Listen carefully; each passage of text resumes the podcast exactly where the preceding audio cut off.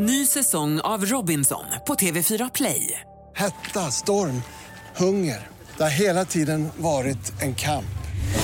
Nu är det blod och tårar. Fan händer just nu. Det. är Detta är inte okej. Robinson 2024, nu fucking kör vi! Streama söndag på TV4 Play. Hej, jag heter Gry Forssell och du lyssnar inte på radiostationen Mix Megapol. I alla fall inte just nu, för du ska ju precis höra ett nytt avsnitt av Mord mot mord. Men först vill ju vi säga hej. Hej, hej, det här är NyhetsJonas. Det här är Carolina Widerström. Och här är Gullige Dansken. Ja, och så Gry då, då. Det vi vill säga är att när du har lyssnat klart på den här podden, då får du gärna lyssna på våran. Vi spelar in ett nytt avsnitt varje morgon av våra podd Kvartsamtal.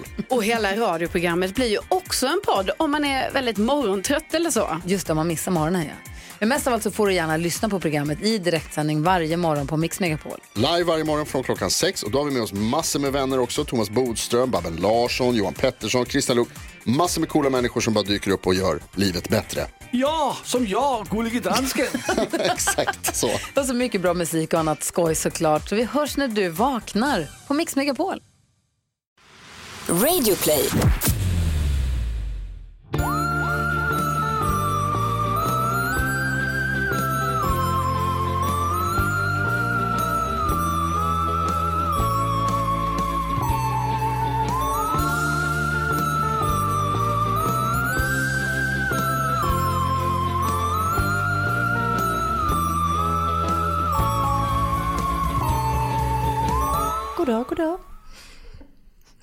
Det är till alltså till Oliver som jag säger goddag, goddag.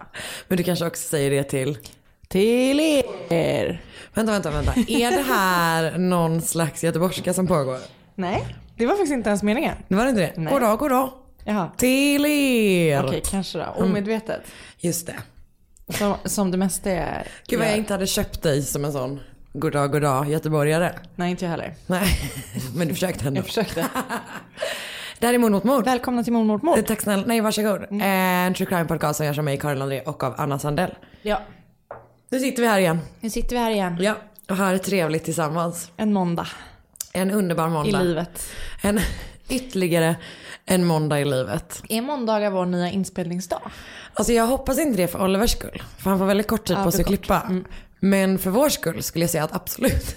Men det är både och tänker jag. Att man vill ha måndagen fri och att det, det är det ena.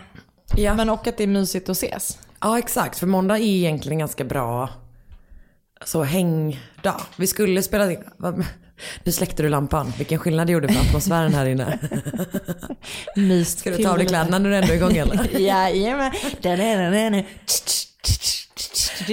Nej vänta, du, du kör den här. Pour some sugar on me. Det är din stri- stripper song. Jag tror det. Min är den här. Tyvärr. Gud Marcus gillar det, vad ska jag säga? Eh, Du är nyklippt. Jag är nyklippt, jag Så klippte av håret. Det är känns, verkligen jätte, jättefint. det känns otroligt. Nu sitter du i motljus men jag ska se om jag kan försöka hitta en bild ändå. Eh, Joanna Eh, som svaret klipper... är nej, vi får ta det när Okej. du inte är i motljus. Ska byta plats? Joanna som klipper mig eh, lyssnar på vår podd. Mm, du har gjort ett så bra jobb. Och är en underbar person. Eh, det enda som är dåligt med henne är att, hennes, eh, att hon eh, är väldigt fascinerad av, av eh, Charles Manson. Ah, okay. Hallå? Läste du det? Undrar om det var i vår grupp eller om det var någon annanstans. Hm, skitsamma. Att han som spelar Manson i Mindhunter också spelar Manson i Once upon a time in Hollywood. Det har jag inte läst. Han har fått ett sånt jävla Verkligen, han, är uppsving. type, han är typecastad också. ja! Men nej, det har jag inte sett. Hela hans karriär kommer bara vara att spela Manson. Men han är ju liksom, det är ju en bra, bra casting. Jag har inte kommit dit. Nähä. Jag föll, jag ska vara ärlig, jag föll lite ur. Mm, man gör det ibland. Man gör det ibland. Det var... Jag gör det typ jämt. Alltså Marcus, var, Marcus hade invändningen att, att han inte fattar varför det handlar så mycket om FBI's per, personalpolitik. Ja just det, det var väldigt kul. Och jag förstår ju lite vad han menar. Att det är så bara, nästa säsong, följ med HR-avdelningen ner i källaren. Men, Men- jag vet ju om att bara jag fortsätter komma, kolla på det så kommer jag, Hur långt har du sett då? jag tror jag har sett tre avsnitt kanske. Ah, okej. Så han har, inte kommit, han har precis kommit till Atlanta tror jag. Eh, och jag fattar typ att hela storyn kring den är väldigt spännande men också väldigt hemskt. Ja. Hela det fallet är ju Det fruktansvärt. är ju fruktansvärt. Eh, nej men alltså, jag, är, jag gillar ju Mindhunter och jag var ju he, helt liksom, första säsongen har, Har jag ju sett om flera sett gånger? om ja. Men liksom, säsong, nu är ju det här old news för att alla har ju redan sett den säkert som lyssnar på vår podd. Men, ehm, Men de vill verkligen veta vad vi tycker. Precis, de verkligen höra min analys som är så djupgående. Nej men jag kände mig liksom inte lika... Jag skrev ju till dig att jag tyckte det var så lite töntigt eh, vissa grejer. Och så, här. jag vet inte. Men sen är det ju spännande. Alltså jag vet inte, ambivalent. Men, det, så, det finns så mycket saker man ska känna. Men ehm, det var någonting jag tänkte på att säga till dig som jag har glömt bort. Jag ska tänka. Vänta. Igår när vi skulle ha spelat in så skrev du till mig. Och sa du att var, du var, var på väg att börja berätta någonting för mig. Nu är vi här igen. Fan det här är... Men det var ju bara, det var ju en fortsättning på min spinning... Eh, Ja, du, hade, du skulle berätta om ett spinningpass som du hade varit på. Som vi alla vet har ju Anna gått på det här spinningpasset när man ska dansa bredvid cykeln. och det här är ett annat spinningpass. Okej, berätta vad det heter. Och det, Det heter, heter bara spinning. Det heter, det, det heter bara cykel, men Ah. det, är på, det är typ som soul cycle som är här ganska populär träning i, i USA. Vad är grejen med soul cycle? Men det är typ man ska trampa du vet takt typ så här med musiken och sen så har man typ hantlar som man sitter med så på cykeln. Okej. Och sen så gör man typ armhävningar så på cykeln. Det är fett jobbigt. Spaning. Ja. Fan vad det känns som att folk som eh, håller på med soul cycle är, eh, har väldigt dålig taktkänsla. Alltså det är så jävla svårt. Ja. Eh, Så jag tror fel. För att jag tror att de som håller på med det på Ah, nej, nej, men jag måste- menar de som tränar det. Ja. Mm, väldigt dålig. Ehm, Men jag ska inte döma. Men det är, skit, det är skitsvårt. Ehm, men det är, någon, det är någon film. Jo, det är den där filmen med Rebel Wilson. Du vet när hon ehm, vaknar upp och så tycker hon att hon är skitsnygg. Ja just det. Eller är det Rebel Wilson? Nej, ah, skitsamma. Där hon i alla fall, hon är på ett soulcycle-klass i början. Det, då, då är det då hon får sin hjärnskakning. Ah. Och eh, hon bara alltså, gör en sån jävla skada på cykeln. Det tänker man ju på ibland när man sätter sig på sånt där. Ah, jag fattar, kan jag göra sig så sjukt illa. Men... Eh, Jag tror var- att du inte spoilade den filmen som inte minns vad den heter men eventuellt spelar Robert Wilson i den. Men det är ju ingen spoiler. Det är Nej. för typ första scenen. Det var bara kul att du sa hon gör en sån sjuk skada att du specificerade inte vad det var för skada alls. Men vi kan alla tänka oss. Okej, okej, okej. Mm. Eh, Okej, men så igår. ja, men, eh, och det som är i det här också, att det ska vara så peppigt, du vet. Att det är så här, sånt som vi inte gillar. Men jag är så fascinerad över att du går på det. Men det är för att det är- det är kul typ. Men du man- blir ju glad. Det här är exakt samma sak som när du tog body shots på Punk Royal och du sviker allt som vi gemensamt står för. Jag vet. Men tänk, det är så här. Det är sjukt bra träning. Alltså det är verkligen Ja, jättebra. ja, man blir skittrött. Jättejobbigt menar jag, inte jätte, det är jättejobbigt. Eh, och sen så är det så här, lite bra, lite så här, vet så här peppig musik. Ah. Och sen så är det liksom Det går fort. Det, går känns fort. som att det går fort. Ja, och, och det, jag, liksom, det är kul. Jag gillar att träna i grupp. Jag kan inte sticka under stol med det. Jag gillar att det- träna i det är grupp. okej. Men här i det här så är det ibland, det- jag har bara varit när det är så här coola tjejer och de typ är så här snygga och du vet och de går typ runt och peppar sig i salen och dansar. Och det känns ju lite jobbigt på ett sätt. I mitt huvud så är det ju de Coyote Ugly-tjejerna 100%. Typ att, typ att de Ja. ser ut så. Det är så avdankade Pussycat Dolls medlemmar. Det är exakt, det är en tjej som typ ser exakt ut som det. Yes! Hon har så jättemycket Ah, jag är så hår. nöjd. Ehm, Gud, jag blir svettig nu. För att du blir så upphetsad av att tänka på det. Men eh, eh, det här är på samma gym som du ska följa med mig på att göra den där maskinen. Just det, just det, det är jättejobbiga. Ehm, det här ska inte vara en träningspodd. Så att, men okej, jag fortsätter. Igår så var det en man i typ, Vänta, vänta. Du sa jag fortsätter greppade dina bröst. Och nu, och sen gjorde du det. Okej, igår var det en man. som var kanske 50. Men sådana är det ju ofta på vanlig spinning. Ändå, Ja. skulle jag säga. Men och han var så himla så här. Han ser ut som han som spelar i Game of Thrones, han dansken. Just det, just det. Ja. Så han är ganska snygg liksom. Ehm, Du gillar ju en dansk med. Älskar. Men han var svensk den här killen.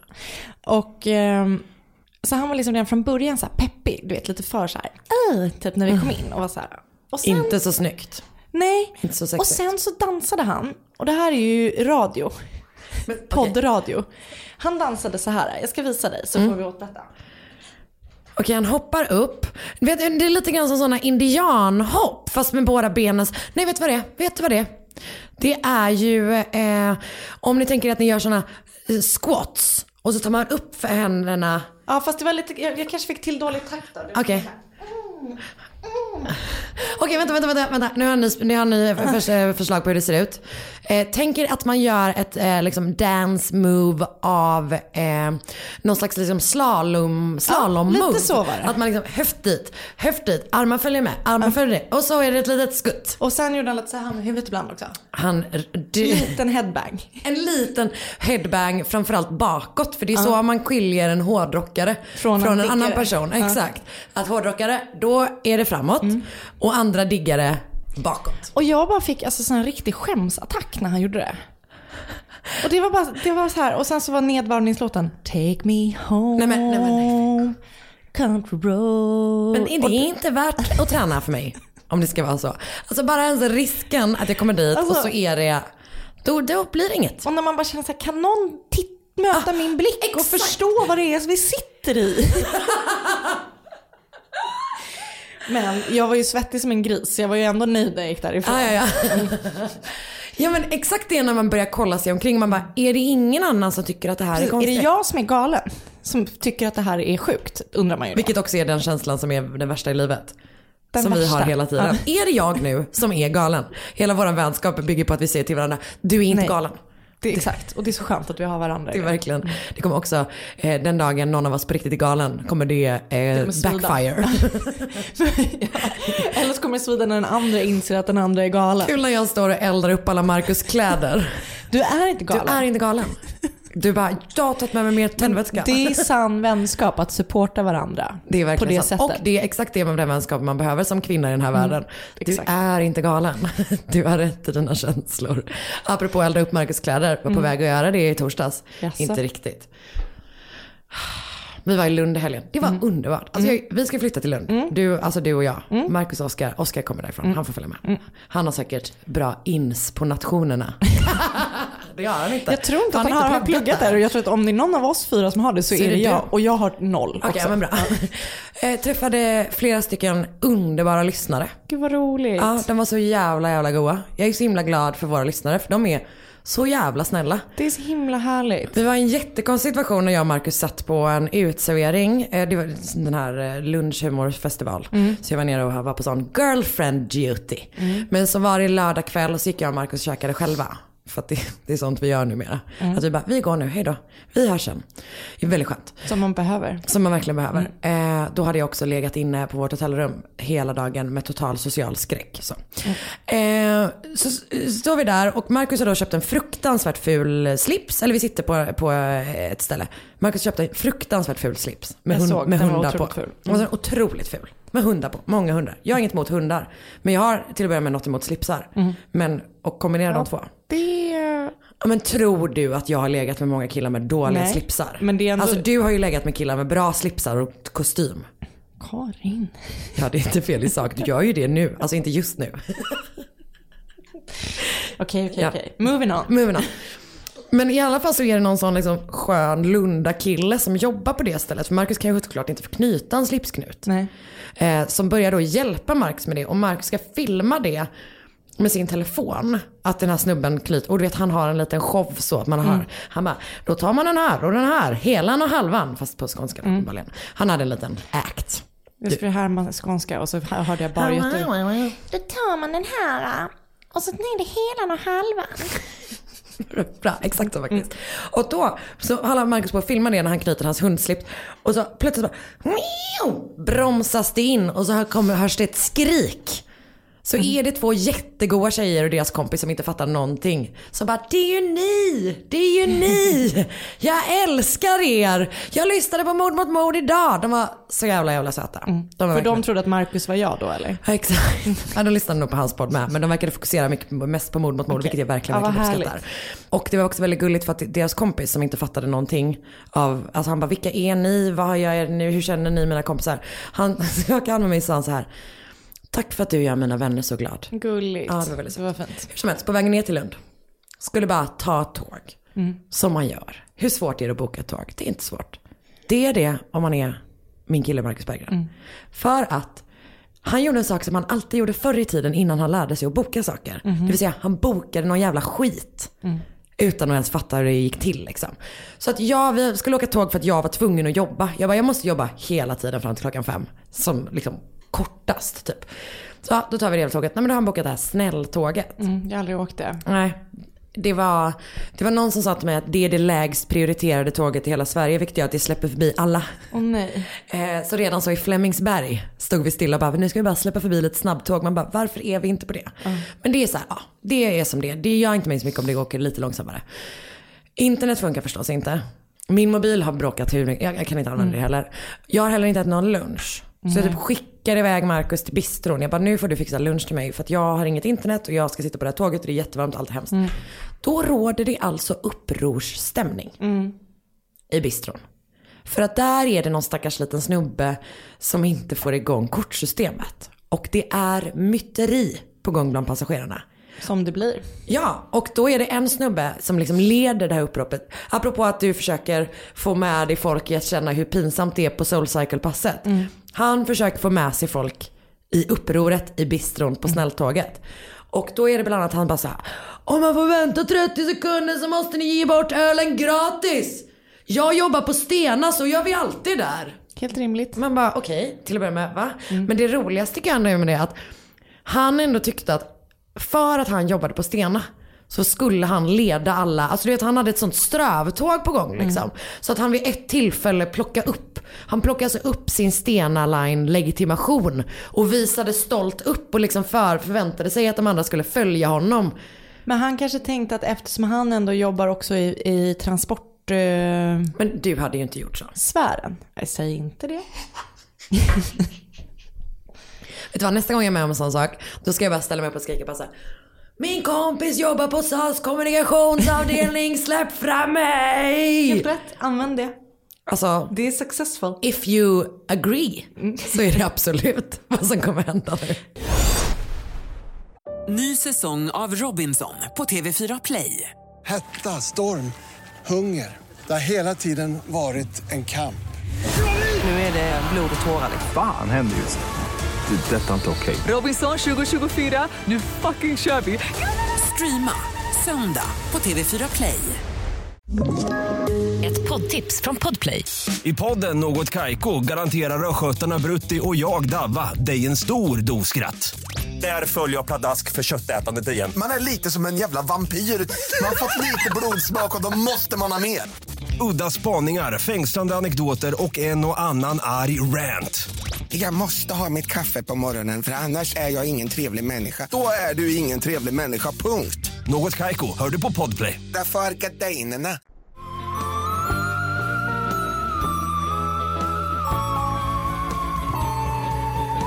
Ska jag berätta en jättehemsk historia för dig? Och jag har också en jättehemsk sen. Okej, det här kommer bli som att inte alla avsnitt är jätte, Nej. men det här är också väldigt hemskt. Mm. 30 april 99 eh, var 16-åriga Marianne Watsra på en Koninginnedag-festival. Det är alltså typ drottningdagen i Holland. Eh, numera är det då kungadagen för att nu har de ingen drottning längre tydligen. Eh, hon är då i Kollum som ligger i området Friesland, det är typ norra eh, Nederländerna. Och hon bor, bor i en annan så närliggande by som heter Zwa, Zwagweistende. Eh, så framåt natten då så ska hon typ åka hem tillsammans med några kompisar. Hur gammal var hon, sa du det? 16. 16. Och eventuellt också någon, eh, sin kille tror jag. Och de ska då cykla från det här stället. Som där, alla människor gör i Holland. Ja men exakt. Eh, och det, det tar typ en halvtimme. Så det är ju en bit, men det är ju inte jättelångt liksom. Ehm, och de tar först sällskap, men sen den allra liksom, sista biten så ska hon cykla själv då. Och det är typ, verkar inte varit liksom något konstigt med det. Utan hon var på den här typen av liksom fester i närliggande byar och typ tog sig hem själv. Det är liksom väldigt så eh, rural. Det är liksom en eh, lantlig miljö som vi är i. Dagen efter så vaknar då Marians mamma Maike och inser att hennes dotter inte är i sin säng och att liksom ingen har sovit i sängen heller. Och hon blir liksom extremt, alltså hon reagerar direkt. Eh, det är inte det här, ah, hon kanske har sovit hos någon, utan hon verkar liksom verkligen sätta igång från början. Det är inte likt Marianne. Så hon och hennes man Bauke ringer runt till hennes vänner och ingen så vet vad som har hänt efter att de, hon har, de har skilts åt. Så både familjen, jag tror att hon har två systrar, hon kan ha fler syskon också, men hon har åtminstone två systrar. Och familjen och liksom vänner och så här ger sig ut för att leta efter henne. Och redan samma eftermiddag så hittar man då Mariannes kropp. Och hennes pappa är med när de hittar henne. Fan. Hon eh, ligger då liksom eh, typ på, på ett fält, men typ bakom i någon slags glänta typ på ett fält liksom. Eh, mitt emellan Kollum och Tvagvistende. Och Marianne ligger då på mage och polisen kommer senare fram till att hon har våldtagits, strypts och sen har hennes mördare skurit henne i halsen. Och på scenen hittas då DNA på kroppen men också på en tändare som man tror är liksom kvarglömd av eh, mördaren. Och nyheten om det här mordet sprider sig liksom direkt typ. Ja men du vet det är liksom det här klassiska supervanlig tjej cyklar hem från en fest i, ja men det blir sån, det blir nästan så Midsummer Murder miljö liksom och så händer Mm. du vet det värsta man kan tänka sig typ. Ehm, ja men klassiskt sånt. Man alla i Holland kan relatera till offrets situation liksom. Att hon var en, allas dotter. Hon kunde Ja. lika gärna varit din dotter. Alltså verkligen den typen av grej. Eh, och det säger ju typ så hennes familjemedlemmar i någon intervju sen också. Att bara så här, Marianne var hos alla liksom. Och i- i en del av den här informationen har jag fått från, alltså typ en så här research, vad heter det, typ paper, är det en grej? Typ en uppsats? Ja, exakt. Eh, som två stycken som heter Lisette Jong och Amade Mcharek. Som är från, eh, som gick, åtminstone gick då på Amsterdams universitet. De har skrivit den. Och den heter The High Profile Case as Fire Object. Following the Marianne Watstra Murder Case through the media. För att som sagt, det blir jätte, jättestort i eh, media. Och då nämner de delvis det här att hon liksom var så, kändes så himla mycket som en symbol för en liksom holländsk ungdom typ. Men de nämner också några andra, andra anledningar till varför det här blir så extremt stort då. Och grejen är att det handlas, eh, det pratas ganska mycket vid den här tiden om så här vansinnesdåd, du vet liksom den, den typen av så här, det onödiga våldet, eh, samtal som känns som att det har varit i Sverige i perioder också liksom. Och det hade börjat med eller hade framförallt, det satte typ igång med att en ung kille misshandlades till döds typ två år tidigare liksom randomly på väg hem från Mhm. en krog typ. Och sen så hade den typen av fall, Mm, man, man hade pratat om det som liksom ett så här paraplybegrepp för den typen av fall typ. Och det hade också lett till då att man pratade ganska mycket om du vet, så här, säkra nattmiljöer och du vet våld i samband med uteliv och sådär. Och det hänger ju också ihop med det här Mm. fallet liksom. Ehm, men ytterligare en anledning, och den här är kanske en av de liksom, största, är till att det här blir så extremt stort, är att fallet liksom blir en symbol för de så här, invandringskritiska rösterna Ah, okej. som eh, fanns, finns i eh, Holland. För strax utanför Kollum så hade då ett tillfälligt boende för 400 asylsökande, eh, framförallt från Irak och Afghanistan, eh, eh, upprättats på typ en så här före detta campingplats. Liksom. Mm. Och strax efter mordet så börjar man då diskutera möjligheterna att öppna ett permanent boende som ligger liksom mer centralt. Liksom. Men då har redan rykten om att så här, gärningsmannen kommer från det här asylboendet typ fått ganska så här, starkt fäste i samhället liksom. Och det bara trissas upp mer och mer och mer. Och en anledning till att man anser att det inte kan vara, alltså det kan omöjligt vara en holländsk man som har begått det här är då för att gärningsmannen har skurit henne i halsen. Och du vet det är liksom, folk är så här bara men en holländsk man skulle aldrig göra det liksom. Men Alltså- det är en del av typ muslimsk kultur. Vad i bara, helvete? Nej, det är det absolut inte. Alltså det är liksom a bunch of fucking racist bullshit. Eh, som sprids typ hela tiden. Och av de vittnen som har sett så Marianne under kvällen och sådär så är liksom ingen av dem har nämnt någonting annat än en typ alltså vit man, alltså holländsk Nej. looking man liksom. Men det är ju redan skitsamma. För nu har det satt sig, de ryktena. Och det är ju det där klassiska med, bara, det är skönt att känna så här: nej det var ingen från oss. Det är ingen från oss som skulle begå den här typen av brott. Man kan fortfarande liksom se sina eh, holländska, Ja, det är så jävla holländska. Ja men exakt, det är verkligen, ja. Och det är så här, det känns skönt att ha ett så gemensamt hot utifrån Mm. för då kan man i alla fall sluta samman liksom. Så eh, då man använder liksom det här fallet då för att så här, elda på för liksom stängda gränser och att, typ, att man inte ska ha, de ska inte få öppna asylboenden och sådär. Och det arrangeras också en protest mot det här planerade boendet. Och där används liksom mordet på Marianne som, alltså som, det är liksom en del av den protesten typ. Och det är då trots att det inte finns, alltså man har inte hittat något samband Det mellan är helt sjukt. det här. Man bara liksom. tar det ur tomma intet Ja, ja, och så ja. gör det till en sanning. Nej jag vet, jag vet. Och till slut så är det alltså riots. Det är liksom upplopp i den här byn. Och man får typ kalla in kravallpoliser som får liksom vakta boendet och sådär. Eh, I oktober, det här var alltså i 30 april. I oktober så håller borgmästaren typ något så här tal och bara folk typ kastar ägg på honom på grund av det här. Alltså det är verkligen och det, jag tror att det bor typ kanske så 5500 personer i den här lilla byn. Alltså det blir liksom bara, men typ en jävla masspsykos. Och det blir också allt då farligare och farligare för människor med alltså utomeuropeisk bakgrund och typ röra sig där liksom. Ehm, det sprider sig till byar och städer som ligger runt omkring och st- stämningen blir liksom ännu mer hätsk när polisen då meddelar att de kollar på tre olika personer från boendet. Och två av dem är kvar och då kollar man av mot DNA och det är inte dem. Men eh, en, enligt en man, eller enligt en vakt, så är det en man som har lämnat boendet under natten när Marianne försvann. Och sen inte kommit tillbaka. Okej. Och det är så här, men man, då börjar man liksom leta efter honom och media publicerar ju bilder på honom och sådär liksom. Och han, är, men han blir ju en sån, en fugitive, liksom Mm. som att han nästan har rymt för att han har begått det här liksom. Och i oktober 1999 så grips han i Istanbul och då är det liksom så här, eh, Interpol Ah, okej. har varit inblandade Mm. liksom. Men när man får tag på honom så, så testar man hans DNA och det är inte han. Okej. Så att det är liksom så här att Jo men senare så säger typ en person på liksom holländska så åklagarmyndigheten att anledningen till att man gjorde den utredningen var liksom politiskt motiverat. Typ. Okej. Man var tvungen att, och jag menar samtidigt som att så här, det är klart som fan att det hade kunnat vara någon därifrån Mm. och då om de hade leads, rimligt att de liksom Det utredde det upp, såklart. såklart. Eh, men det blev alltså ett sånt extremt pådrag och de säger, alltså någon person från på åklagarmyndigheten säger liksom senare att så här, bara, det här var på grund av politik. Mm. För att folk ansåg att så här, vi inte Gud vad sjukt. inte kollar på det här. Men trots då att den här mannen liksom avförs så dyker hans namn upp som en potentiell gärningsman, alltså långt senare.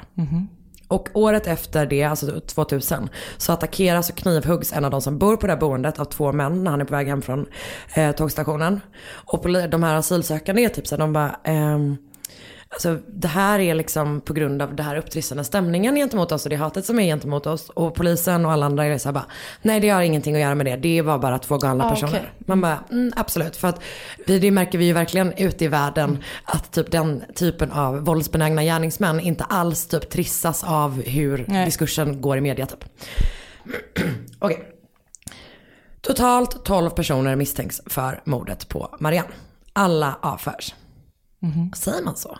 Avfärdas. Avfärdas. Avförs från utredningen. Jag har ingen aning. Mm. Avfördes. Det låter verkligen som avföring nu när jag säger det. Avskrevs. Avskrevs.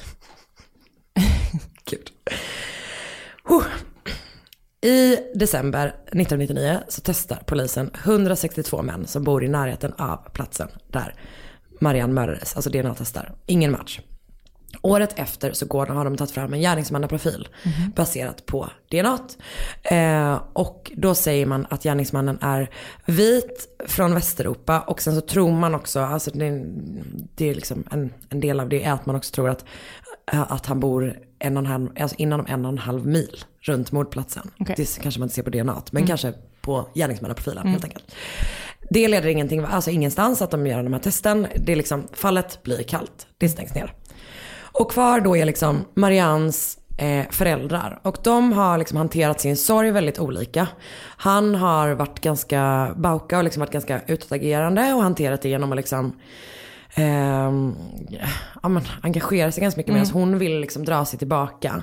Och det slutar då, hans, hennes pappa engagerar sig också ganska mycket i det här att kring asylboendet. Okej. Och senare så anklagas han för att ha eh, hotat en person som var, liksom, jobbade med en organisation Aha. som jobbade med, men, eh, asylsökandes rättigheter typ. Mm. Det har inte styrkts men det är liksom, han har blivit anklagad för det.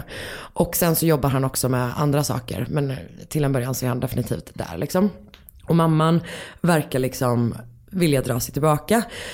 Eh, Så de skiljer sig, liksom. det, det sabbar deras familj, det går inte att liksom fortsätta vara tillsammans.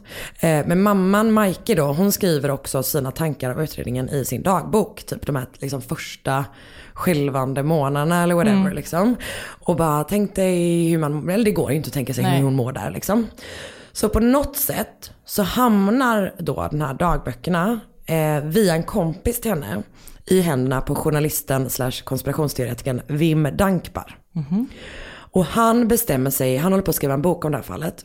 Där vinkeln då förstås är polisen vill inte kolla på de Mm. asylsökande. Eh, han bestämmer sig för att använda hennes dagbok i sin bok utan att ha rätt till det. Men gud. Och det är då för att hon skriver också om de här sakerna i sin dagbok. Liksom. Och han menar då att dagböckerna stöttar hans tes om att gärningsmannen fanns bland liksom, asylsökande. Eh, men att polisen och politiker har då täckt upp för det för att slippa ändra sin migrationspolitik. Och Majke vill liksom absolut inte att hennes privata dagbok Såklart. från den här tiden ska publiceras. Alltså du vet i liksom någon jävla snubbes bok. Det låter typ. ju helt bisarrt. Ja jag vet, det är så jävla sjukt. Och det har alltså, det är då liksom någonstans börjar en rättstvist. Som åtminstone pågick till 2017. Oj. Jag vet inte om den har fortsatt sen dess men det är typ den senaste jag har hittat liksom. Och du vet, hon, så hon måste liksom så här, den här sörjande mamman som har förlorat sin dotter Marianne liksom. Och som gått igenom det värsta som finns. Mm. Måste till rätten om och om om igen för att liksom vad bestrida den här snubbens, alltså att han vill publicera händ, saker hon har skrivit liksom. Ehm, och det sista jag hittade var att han skulle betala henne 500 000 euro. För att han fortsatt publicera grejer efter att han har fått liksom så här folk bara, nej, Vad är det för domare, dåre? nej men alltså total. Ehm, och det är också andra personer som han randomly hängt ut som typ gärningsmän och sånt. Som också har typ stämt honom. Mm. Alltså det, och det, han har verkligen bara fortsatt, fortsatt, fortsatt. Tydligen är han väldigt rik. Mm. Så det gör inte så mycket med skadestånd. Okej, polisen har då en fullständig DNA-profil på gärningsmannen och tror då att han bor i närheten av brottsplatsen, platsen. Så att de är så här, okej, om vi kan genomföra en storskalig DNA liksom, testrunda där vi typ topsar Varför gör de inte bara det med en gång? Eh, ja men för grejen är så här att det de säger då är att delvis så tror jag inte att man kan få tillstånd till det hur lätt som helst. Ja, okej. Kommer du ihåg det här fallet med, vad heter hon, Jara i Italien Mm, som jag det. gjorde när de tips, topsade Typ en hel stad. Ja, men alltså, de, de, Alltså, så är- och sen så är, de avlyssnade folk också till höger och jävla vänster. Holland verkar inte riktigt vara så, vilket Nej, är ju är superrimligt. Ehm, men det som är då är att man vill gärna genomföra, just det, det här är anledningen. De vill genomföra en sån stor DNA-testningsomgång. Alltså att man frågar, ber folk frivilligt. Men typ som man gjorde när man letade efter Hagamannen Mm. till exempel. Men det de säger är att de vill hitta en släkting till gärningsmannen. Jag vet inte varför, men att de är så här, vi tror att då genom familje-DNA så kommer vi kunna hitta gärningsmannen. Men att de inte tror att han, de kanske tänker att han har flyttat eller whatever liksom. Jag vet inte. Men det som är då problemet, och nu är det verkligen så att jag tror att det här är det som händer. eh, det har varit mycket så Google Translate av holländska artiklar. Så Hollands lagstiftning står då i vägen för att kunna göra den typen av undersökning just när man inte letar efter en gärningsman utan man letar efter en släkting till en gärningsman.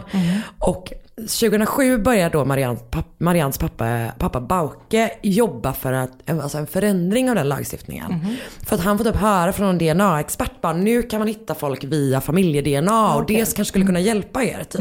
Så att han börjar jobba som fan på att driva igenom den ändringen liksom. Alltså så fort han får typ, han tar varenda chans han Ja. får att liksom pusha den agendan typ. Och det tar då fem år.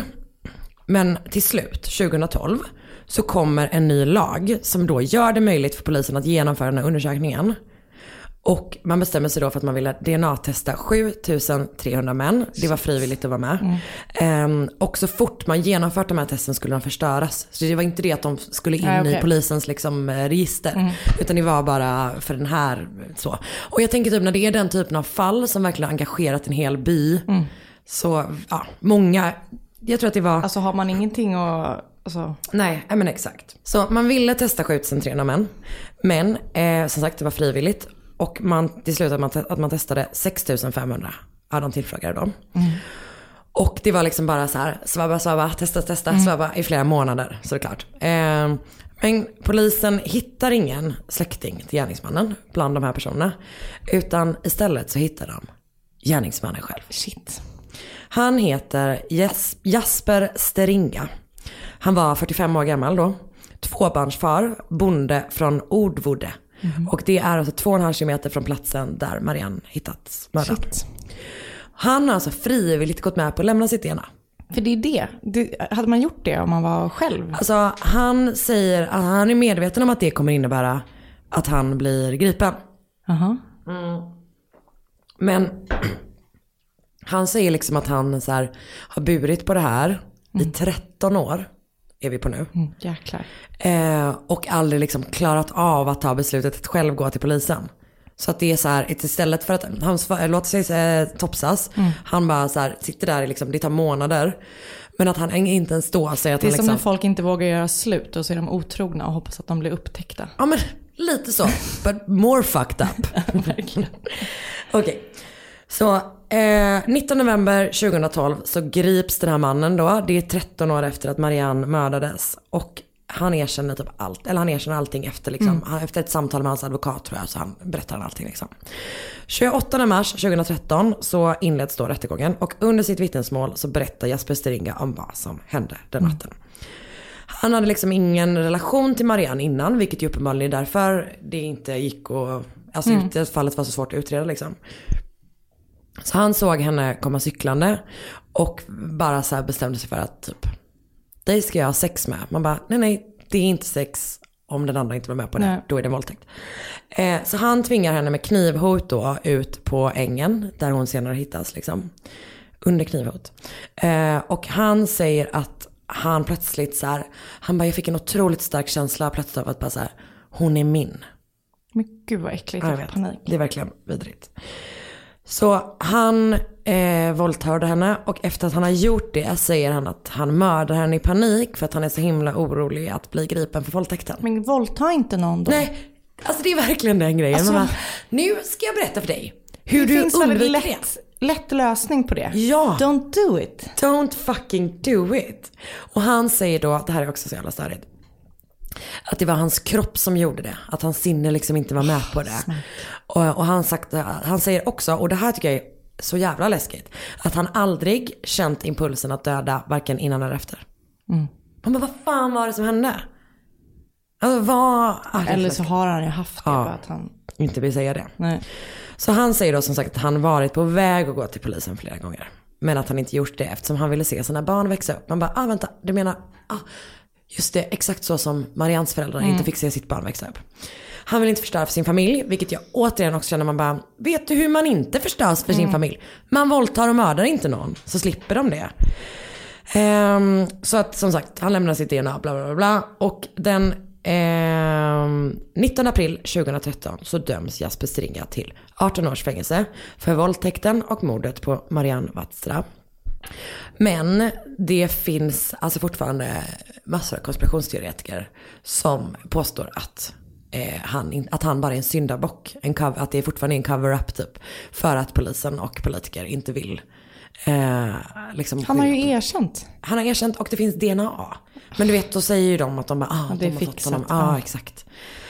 Och det gör ju också återigen att man typ inte visar, visar någon respekt för den här familjen som kanske för, eh, alltså det har gått liksom, det gick 13 Mm. år. Bara låt dem vara, sluta liksom. För hon säger, eh, Majka har sagt att hon, du vet folk kontaktar henne. Alltså det är liksom, Mm. ja okej. Ehm, och samma år då som eh, hans dot- dotters mördare döms så vinner Bauke Watstra ett pris som heter Machiavelli-priset. Mhm. Som går till någon som på ett framgångsrikt rikt sätt ägnat sig åt kommunikation mot allmänheten. Jaha. Och han får då priset för att han har varit med och drivit på den här eh, forskningen på DNA-prov som Mm. typ utredningsmetod. Och det är då den här, de här anklagelserna mot honom kommer upp för att då blir det liksom. Ja, jag fattar. Eh, och för Maike så känns det verkligen bara som att man, alltså det enda jag vill för hennes skull är att folk fucking lämnar henne i fred. Mm. Alltså det är så jävla hemskt verkligen.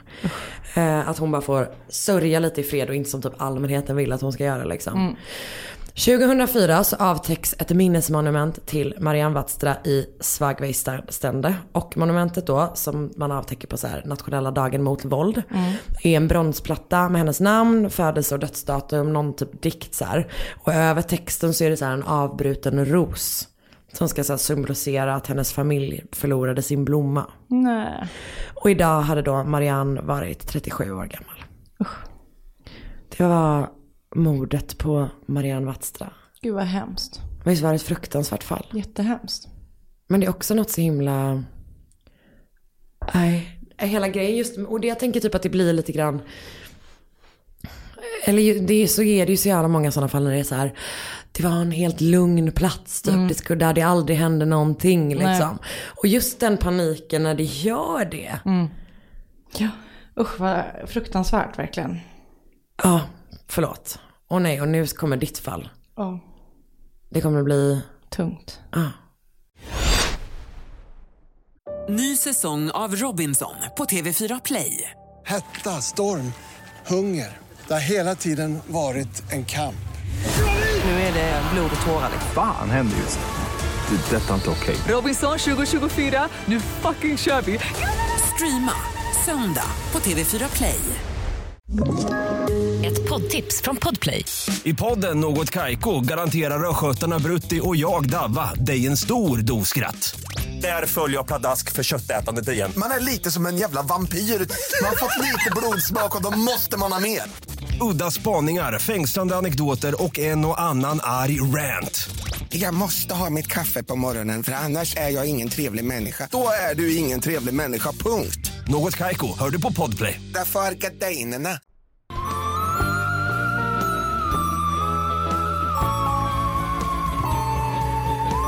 Vill du varna någon specifik?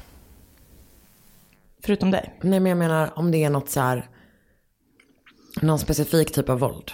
Du kanske du kommer varna under tiden antar jag som vi brukar göra. Och jag har inte liksom, jag, berätt, jag, kommer inte berätta så jätte... Vi brukar ju inte, Nej. vi brukar inte eh, vara så gory. Nej. Men bara hela Allting grejen är är fruktansvärt, Allt är det. Mm. Du kommer säkert känna igen det. Eh, Melinda Loveless föddes 1975 i New Albany. Och hon var yngst av tre systrar. Och ehm, hennes eh, föräldrar, eller liksom framförallt pappan, var inte mycket att hänga i julgranen. Eh, utan han var ett eh, svin. Hennes föräldrar hade gift sig när de var väldigt unga. Mamman som heter Marjorie var 16 år och pappan Larry var 20 år. Och först när de gifte sig så var de liksom väldigt kära och så här. Det är så sjukt. Tänk att man skulle gifta sig med den man var tillsammans med när man var 16. Nej men det alltså går att folk ens på att gifta sig vid den tiden. Ja, det är verkligen. Det är helt Mitt liv hade varit så annorlunda. Men de var liksom jättekära när de gifte sig och ju längre tiden gick så började han liksom vara ett as. Eh, och det första varningstecknet som ändå jag tycker var, typ känns lite väldigt tidigt och som jag hade nog kanske, ja. De, Du hade sagt det till mig och så hade jag sagt så här, du är inte galen. Precis, Eller? exakt. För att när de är på bröllopsresa så vill Larry inte lämna hotellrummet. Alltså, Jag. Men han vill inte Jag äta lugn. utan han vill bara, bara ha sex. Nej, men. Så han vill liksom ha sex hela, hela På ett tiden. maniskt På ett sätt. maniskt På ett sätt. ägande sätt. Exakt. Och det är liksom inte, det är inte en romantisk setting. Vi beställde bara upp rum. De bor typ på, vet att de är 16 och 20 år. Och de är på typ, jag, jag vet inte. Alltså en vild gissning är ju att han kanske typ inte brydde sig så himla mycket om, om hennes, hennes- sexualitet. Nej, precis. Eller hennes upplevelse på sin Precis. honeymoon. Och det här är liksom bara det första. Och så levlades det upp eh, från att bara vara att kräva sex. Ehm, så liksom ju längre tiden gick så tvingade han också eh, Marjorie mot hennes vilja att ha sex med andra män. Eh, när han tittade på, vilket är så jävla obehagligt. Han gillade också att sminka sig och klä sig i eh, kvinnliga underkläder, vilket i sig kanske inte behöver vara liksom, något konstigt med det. Men det som är äckligt är att han satte på sig sina döttrars underkläder. Ah. För han har då, de har tre döttrar ihop och Melinda är den yngsta dottern. Och han då sätter på sig sina döttrars underkläder som liksom en så här, ja, Nej, grej. Det är inte, det är inte Det är inte lugnt. Han hade också sjukt svårt att behålla ett jobb. Så eh, han var liksom ett, en skit. Eh, han bidrog inte med några pengar. Och en sak som jag tycker typ är lite rolig, som han gjorde när han jobbade som brevbärare, var att han tog hem all post och bara eldade upp den. eh, och då blir ju jobbet jättelätt. Gud så soft. Ja. Eh, men det, det är det enda roliga. För han slog då och våldtog Marjorie vid liksom upprepade tillfällen. Och han våldtog också eh, Marjorie framför... Nej, ja, man vet inte om han har gjort det. De två äldsta döttrarna säger att han, de har liksom blivit utsatta för övergrepp. Men eh, Melinda säger att hon, att hon inte har blivit det. Men de, han våldtog deras mamma framför dem? Framför dem. Vilket är så jävla sjukt. Och hemskt. Ehm, och eh, Marjorie försökte begå, själv- begå självmord ehm, flera gånger. Och ehm, den sista gången hon försökte begå självmord så var det för att hon hade kommit på pappan att spionera på Melinda och typ en kompis. Och då, hade, då fick hon nog. Så Ah. hon typ tog en kniv för att attackera honom. Och när han typ försökte avväpna henne så skadade hon sig. Eller han sig.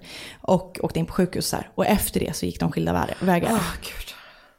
Ehm, och ehm, efter den här knivincidenten då så skiljer de sig och han träffar en ny kvinna och typ bara lämnar familjen och har ingen kontakt med barnen. Men hur fan det gick för den nya kvinnan? Mm, det vet jag ingenting om. Men den här skilsmässan och att pappan drar, eh, det tar sig väldigt hårt på Melinda. Eh, så hon har ju haft det tufft hemma, liksom, tuff, tuff uppväxt. Eh, och efter att pappan drog så blev hon mera så här, upprorisk hemma. Och 1990 så hittade hon kärleken i den ett år yngre Amanda Heverin. Och när Melinda berättade för mamman att hon var lesbisk så blev hon först tokig. Men liksom accepterade det efter ett tag. Ah. Och Ama- eh, Melinda blev liksom så här head over heels kär i den här Amanda. 1991, alltså ett år efter att de har träffats, eller blivit ihop, så flyttar en flicka vid name, vid name, I'm a bit, uh, bilingual. Mm, jag hörde det. Eh, en flicka som heter Shanda Sharer Okej. flyttar till stan. Och hon är född 1979, så hon är då eh, fyra år yngre, eller fem år yngre än, eh, Melinda.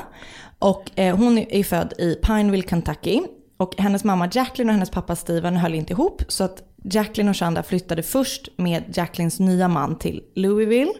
Och det höll inte heller. Så 1991 så flyttar mamman, Jacqueline och Shanda till eh, New Albany. Och där börjar hon i Hazelwood Middle School. Okej. Eh, och då var hon 12 år gammal och hon var liksom bara så här, en helt vanlig tjej. Hon typ höll på med sport, hon var så duktig i skolan, hon hade kompisar och bara helt... Allt var safe. Allt var helt vanligt. Och ganska kort efter att hon har flyttat dit så hamnar Shanda i ett slagsmål med Amanda, som då är Melindas flickvän. Ja. Och under tiden som de sitter i typ på kvarsittningen så blir de kompisar. Och Kul som en film. Verkligen. Och de inleder också en relation. Så de blir ihop. Och jag vet inte hur liksom så fysisk eller hur liksom, ehm, extensiv den här relationen egentligen var. Men det, man har hittat så här, um, ganska sexig brevväxling mellan dem. Där de har Mm. skrivit så här, vad de vill göra med varandra. Man gillar ju ett sexigt brev. Verkligen, jag har aldrig skrivit ett och aldrig fått ett heller. Men, ehm, Men man gillar ju tanken på. absolut, med pergament och fjäderpenna. Japp. Vi må, vet du vad? Vi måste trycka upp brevpapper. som man, som alla kan skriva sina sexiga brev på. Så kul. Vänta, det blir inte bra när det står Mord mot mord. och sen Jag vill ha sex med dig. Det visa dig naken. Det är de sexigaste sakerna vi kan säga. Jag visar dig naken, jag vill ha sex med dig. Klappa mig på ryggen. Oj vad du är svettig. Eh, men som sagt, jag vet inte Nej, nej, så mycket nej. mer om deras relation än att de då skrev sexiga brev till varandra. Vilket är så roligt också att tänka att det är så här, var dåtidens sms. Att de så skrev med Men det måste hand. sexiga lappar mer. Antagligen. Men ändå. Att de här du vet, att de här- Kastade. En de tog av- loppa. Eller, Ja. en sexig loppa. Vad vill du göra med mig? Ett, två, tre. Nej, säg mellan ett och tio. Och så bara, eh, åtta. Klä av dig naken. Det står det på alla. Okej. Eh, så under som, tiden som de dejtade, vilket var ganska kort deras dejtingperiod, eh, så blev eh, Shandas uppförande liksom mer stökigt hemma. Så hon blev sådär, hennes betyg blev sämre och Mm. hon blev mer uppstudsig som jag förstår det. Men hon var liksom 12 år. Så att, Alltså när ska man annars vara uppstudsig? Exakt. Men då bestämde hennes mamma i alla fall att hon skulle få stopp på de här fasonerna genom att få Shanda att byta skola. Så då börjar hon i ehm, en katolsk skola som heter Our Lady of Perpetual Help De har School. så jävla otroliga namn. Mm. Eh, Så hon börjar i den skolan eh, och det verkar som att hon kanske liksom skärper till sig lite. Men hon fortsätter att träffa Amanda. Så Amanda tar med sig eh, Shanda på en sån här school dance. Och på den här school dansen så blir de två konfronterade av Melinda. För Melinda är eh, alltså skogstokigt svartsjuk. Så hon åker dit och så konfronterar dem och tvingar Amanda att välja mellan Shanda och Melinda. Och då väljer Amanda Melinda. Oj. Så det är liksom så här. Oh, honey. Men det, man, man tror att liksom så här, ja, ja. Man Ja. tror att det är lugnt. Ja. Och Melinda är ju den som ehm, blir vald. Men hon hatar Shanda för att hon ändå har liksom varit emellan dem. Så hon liksom så bestämmer sig för att hon ska visa vem som bestämmer. Eh, så nu kommer det hemska börja. Ja. Så den 10 januari 1992, alltså cirka ett år efter, eller ja, typ ett år efter, eh, bestämmer Melinda träff med några tjejer som hon känner hemma hos sig. Eh, eller känner är väl, ja, känner typ. Så tjejerna är Laurie Tackett som är 17 år gammal och hon har haft en sträng kristen uppväxt. Hon fick inte ha jeans i skolan så hon så bytte när hon kom till skolan.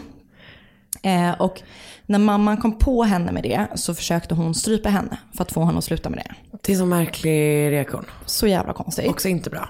Inte bra. Det kan vi väl ändå... Det kan vi verkligen enas om. Ja, bra.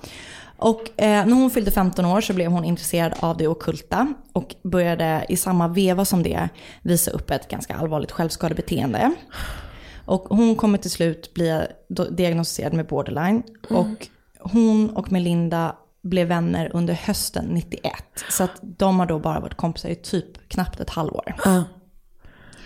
Eh, Hope Rippey var också där eh, och hon var 15 år gammal. Och hon hade också haft en stökig uppväxt med så skilda föräldrar som hade flyttat runt. Liksom. Och även hon hade haft, eller hade då under tiden ett självskadebeteende.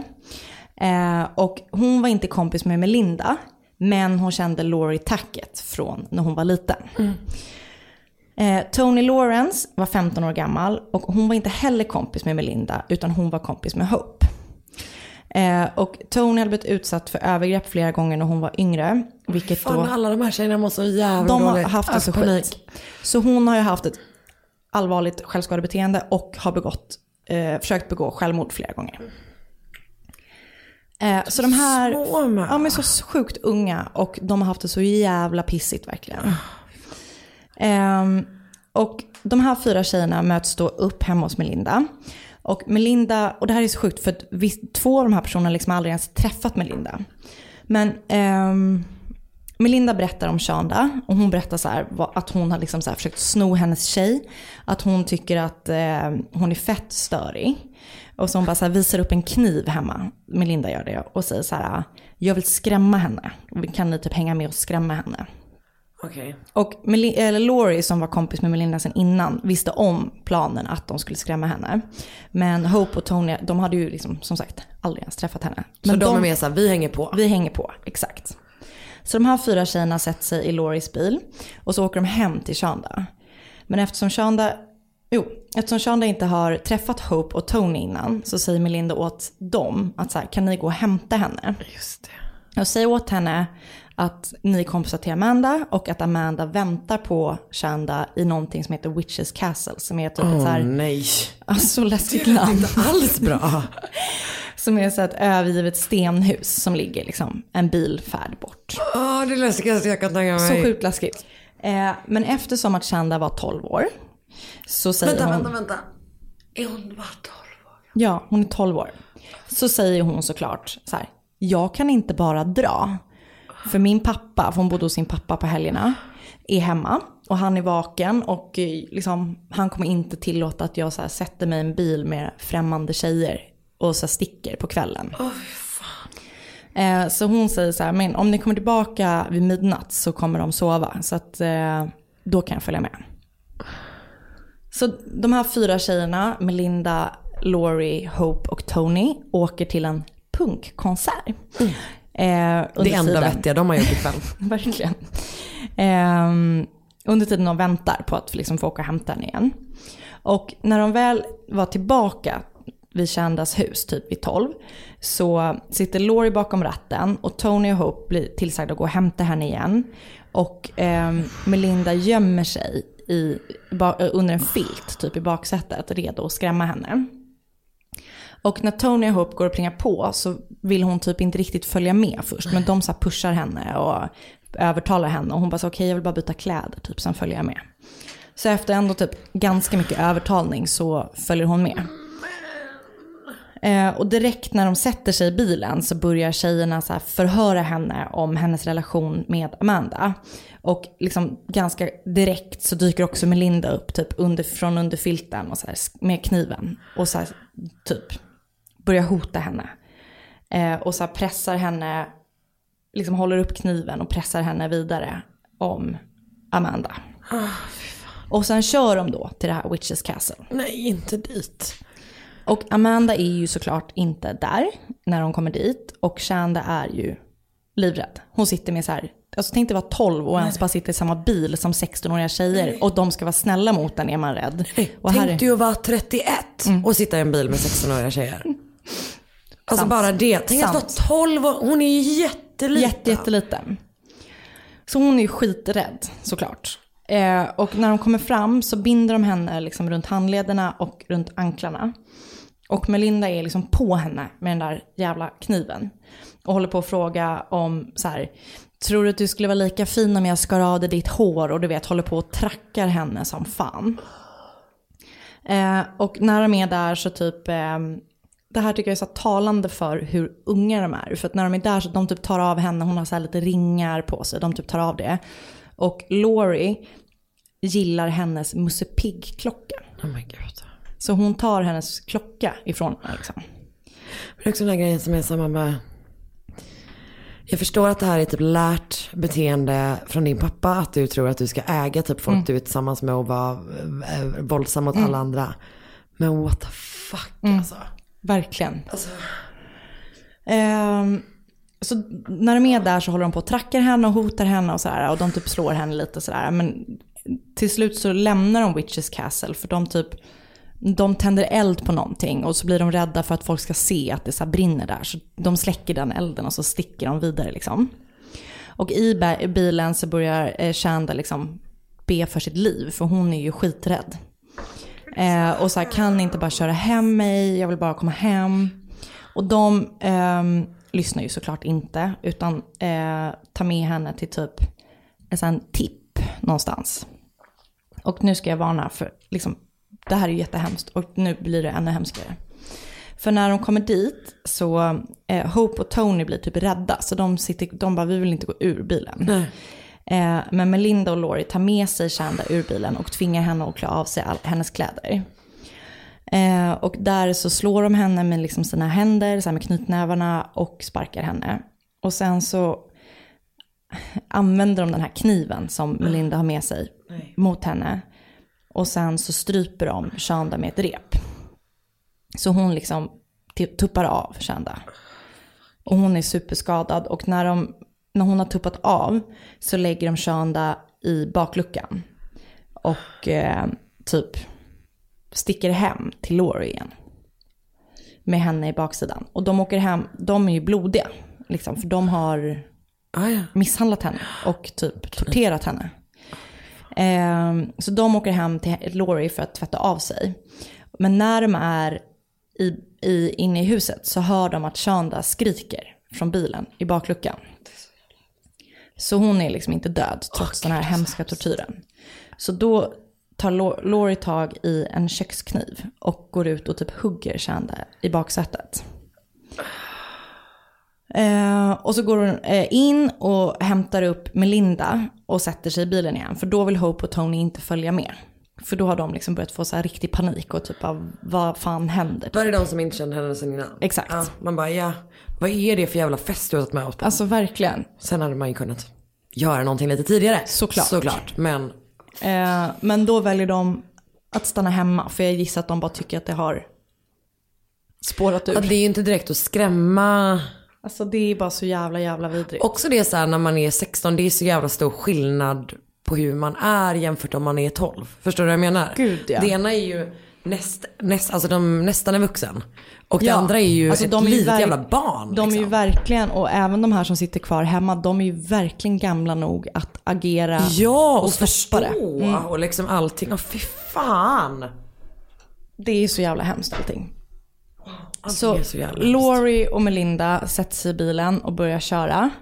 Och när de väl sitter i bilen så hör de att Shanda gör ljud ifrån sig fortfarande i bakluckan. Så då går Laurie, hon stannar bilen, går ut och tar typ ett sånt fälgkors. Vad är det? Ett sånt däckjärn. Ah, ja, ah, nej. nej, nej. och slår henne eh, till slut, liksom till döds med det här eh, fällkorset efter en så här väldigt extensiv tortyr. Det är så jävla grovt våld. Mm. Det är så jävla, jag lyssnade på en podd som vi ska tipsa om. Höll på att bli yr i huvudet. Jag blev typ yr i huvudet och som de sa, så här, det är typ som Sopranos. Alltså det är inte så här 16-åriga tjejer utan de är liksom, det är så jävla grovt. De är som typ eh, torpeder liksom. Ja, Den alltså- typen av våld. mm. Vad heter podden? Eh, det är eh, en podd som, gör en, eh, som heter eh, eh, True Crime All the Time. Just det. Eller vänta, var det den? Jag, vi länkar, jag tror att det var True Crime All the Time. Ah. Ehm, vi länkar såklart. Och det finns hur mycket som helst att läsa om det här. Och typ så YouTube-filmer och jätte, jättemycket material. Um, framåt gryningen, då har de typ varit ute och kört liksom ett tag med henne i, i baksätet, eller bakluckan. Och då åker de tillbaka till Loris hus där Tony och Hope fortfarande är kvar. Eh, och de är typ bara såhär, vad har hänt? Vad har ni gjort typ? Och då berättar eh, Laurie och enligt utsaga så skrattar hon då typ när hon berättar det här att de har dödat Chanda. Så jävla vidrigt. Och Loris mamma vaknar då när hon hör att det är massa tjejer som typ gör väsen ifrån sig i huset. Så hon bara, vad fan, vad gör ni här? Typ, du får åka och lämna dem hemma. Typ så här, jag vill inte, bara kör er så här.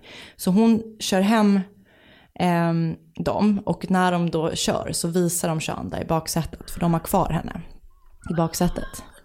Så på vägen hem för att lämna alla tjejerna som hon då ska göra. Så alla. Så stannar de för att tanka bilen och så köper de en två liters Pepsi-flaska som de typ så häller ut och fyller liksom den med bensin Nej, också. nej.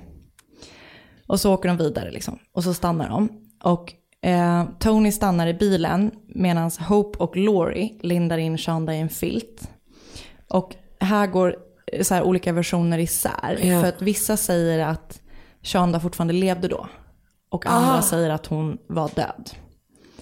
Så jävla hemskt. Så hon lindas in i den här filten. Eh, och så häller de bensin på henne och tänder eld. Och det är så sjukt hemskt så att man kan typ inte ens tänka på det. Så jävla vidrigt. Mig, ja, Man blir yr. man blir verkligen yr. Eh, och efter de har gjort det här eh, så åker de till McDonalds för att äta frukost. Bara som att Va? de är Ursäkta? helt så här. De är bara- sån de har varit på fest tack. typ. Ja. Ehm, och där gör de en pakt att de inte ska berätta vad de har gjort. Men ehm, Melinda berättar för Amanda att de har dödat henne. Och bara jag gjorde det typ för att jag älskar dig och jag vill bara att du ska veta det. Och du vet så här, du får lova att inte säga någonting till någon. Och hon tror typ inte på det först för att hon tycker att det är så jävla sjukt. sjukt. Men sen så visar hon då upp typ bakluckan, eller du vet, hon fattar att, Att det är här, blod, det är sant. Liksom. Eh, så senare samma morgon så skulle två bröder gå ut och jaga.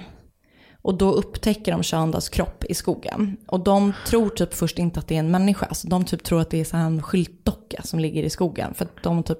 Som man, Som- det är så vanligt att folk alltså, tror man, bara, man kan ju inte fatta att det ligger en död kropp där man själv går. Liksom. Det är ju för... Det går inte att ta in typ. Alltså nej. Och så ringer ju de såklart polisen och polisen tror först att det är någon slags droguppgörelse. Så att de typ så här, "Va, ja, undrar vad som har hänt, typ så här. Också det. Man bara, åh gud. Eh, och meanwhile som allt det här har hänt så har ju Shandas pappa märkt då att hon inte var hemma på morgonen. Så han typ har börjat med att så ringa till grannar och typ varit ute och letat. Och sen när klockan är typ kvart i två så ringer han till Shandas mamma och bara hon är inte här. Och då går de tillsammans till polisen för att typ anmäla henne saknad liksom. Stackars de föräldrarna. Det är så jävla Ja, hemskt. det är så hemskt. Stackars de stackars föräldrarna. Ja. Och trots att de har slutit den här pakten så kan också olika historier, antingen så är det bara Tony eller så är det Tony och Hope. Någon, antingen det ena eller andra kan inte hålla sig så att liksom bara bryter ihop och berättar för sina föräldrar och går till polisen och berättar vad som har hänt. Liksom. Så då kopplar polisen ihop kroppen med hennes berättelse med typ Shandas liksom, Ja, ja, ja. anmälan att hon är försvunnen. Så de berättar liksom allting som har hänt. Och de grips. Och alla, det finns ju liksom jättemycket fysiska bevis, det finns vittnesmål och ja, Ja, alltså- erkännanden Ja, liksom till. Inte, ja. Så att alla de här eh, fyra tjejerna, Hope, Tony, Laurie och Melinda, blir åtalade som vuxna. Eh, för liksom Ja. det grova våldet som de har gjort och det som var så beräknande liksom. Ja, att Men- de åker tillbaka och övertalar henne. Alltså allt det där Allt. måste ju vara liksom. och typ liksom upprepade dem. gånger. Japp. Så här. Men deras bakgrunder liksom av att de har blivit utsatta för övergrepp, att de har liksom, Ja. det blir några slags förmildrande omständigheter ändå verkar det som. Eh, men för att undvika dödsstraffet så gick alla fyra med på så plea deals. Så Laurie och Melinda dömdes båda två till 60 år i fängelse. Och Laurie släpptes ut ur fängelset 2018. Och då tror jag att hon, jag tror att det var hon som blev släppt på årsdagen, typ 26 år senare som det hade hänt. 11 januari. Det var väl inte... Så jävla opassande, kunde Alltså, man skjutit ja. på det en vecka liksom. Ja, exakt. Så hon är ute och Melinda beräknas komma ut i år. De har gjort så massa resningsansökningar och sånt där. Ja, Det har avslagits. Eh, Men hon beräknas komma ut i år. Och Hope och Tony som båda två var yngre och som hade liksom mindre delaktighet i tortyren och morden eh, fick mildare straff. Eh, Så Hope dömdes först till 60 år. Hon var ju med och liksom lindade in Ah, henne. ah. Hon dömdes först till 60 år, men efter överklagan så blev hennes dom 35 år. Men hon satt i 14 år, så hon släpptes 2006. Och Tony dömdes till 20 år, för hon var ju den som hade liksom erkänt först och hon Aha. hade ju inte varit liksom lika delaktig. Och hon satt av 9 år, så hon släpptes ur fängelset 2000.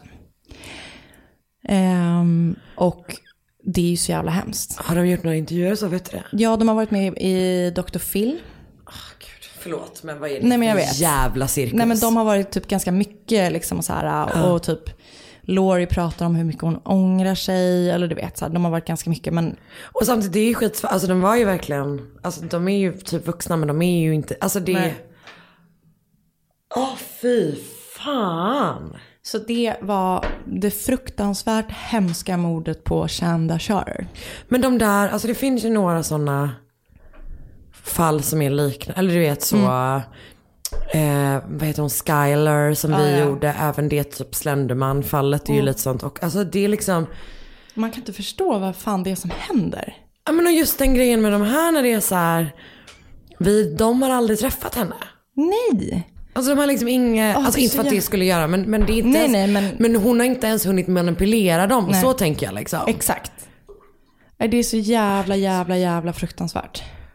Åh fy fan vad hemskt. Mm. Ja, det där var... Det är fruktansvärt.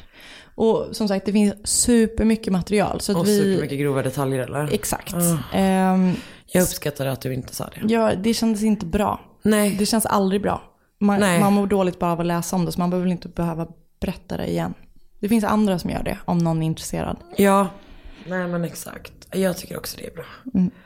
Helvete Anna. Det var väldigt bra berättat. Tack, vad gulligt. Tack snälla ska du ha. Tack. Och jag känner mig, jag känner mig alltså helt... eh, Och så är det så varmt här inne, så man blir helt varm och trött. Och den där historien var Jag vet. en av de värsta vi har gjort nästan känns det som. Faktiskt. Okej, tack för att ni var med oss på den här fruktansvärda resan. Tack så mycket. Vi hörs om en vecka. Det Och innan dess ska ni gå med i vår Facebookgrupp som är superhärlig plats. Mord mot mord podcast. Ja. Och vill ni önska fall? Var det här ett önskat fall? Det var, ja, det var ett önskat fall. Tack snälla. Ehm, då gör man det av Anna på att Anna och av mig på att Karin Londre på Instagram. Så hörs vi nästa vecka. Hej. Hej. Ny säsong av Robinson på TV4 Play. Hetta, storm, hunger. Det har hela tiden varit en kamp. Nu är det blod och tårar. Fan händer just nu. Det. är Detta är inte okej. Robinson 2024, nu fucking kör vi! Streama söndag på TV4 Play.